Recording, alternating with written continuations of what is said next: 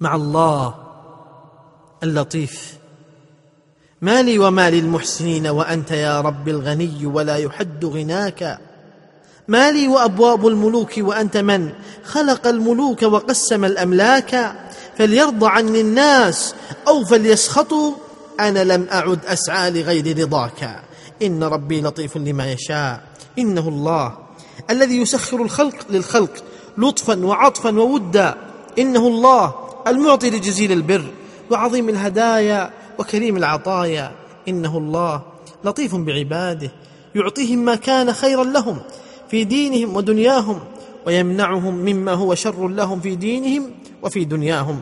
إنه الله لا تدركه الأبصار وهو يدرك الأبصار وهو اللطيف الخبير.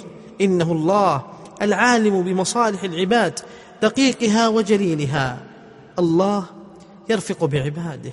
ولا يعاجلهم بالمؤاخذة بالذنب ويوصل رحمته إليهم بلطف خفي. إنه الله اللطيف إنه الله جل شأنا وحسبي.